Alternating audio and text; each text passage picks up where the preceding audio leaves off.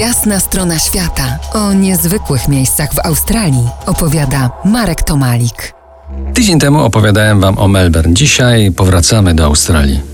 Australia to nazwa kontynentu, ale też kraju. A może krajów? No właśnie, ile krajów mieści ten kontynent? Prawie 100% z Was odpowie, że jeden i ten jedyny nazywa się Związek Australijski.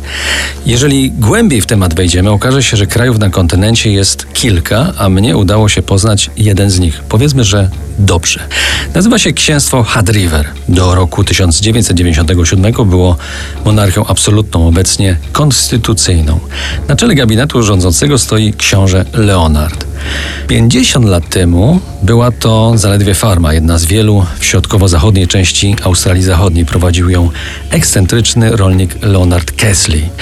Musiało się jednak coś wydarzyć, że rolnik proklamował swoje odrębne państwo i zrobił to dosyć skutecznie. Tym wydarzeniem była odmowa realizacji zamówienia kontyngentu pszenicznego ze strony państwa, które zamówiło sporo.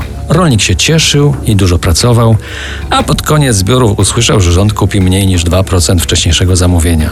Leonard się zagotował i urzędasom wojnę wytoczył. Co zrobił? Zanim uczynił pierwszy krok, bardzo wnikliwie przestudiował prawo międzynarodowe. Szukał i znalazł luki, które wykorzystał do proklamowanego pół wieku temu własnego księstwa. Kluczowe było tutaj milczenie władz stanowych i federalnych, kiedy otrzymali noty proklamacyjne państwa Had River. Na mocy staro-brytyjskiego prawa, które w wielu aspektach obowiązuje po dziś dzień, rząd miał dwa lata na udzielenie odmowy, ale tego nie zrobił, nie traktując rolnika poważnie.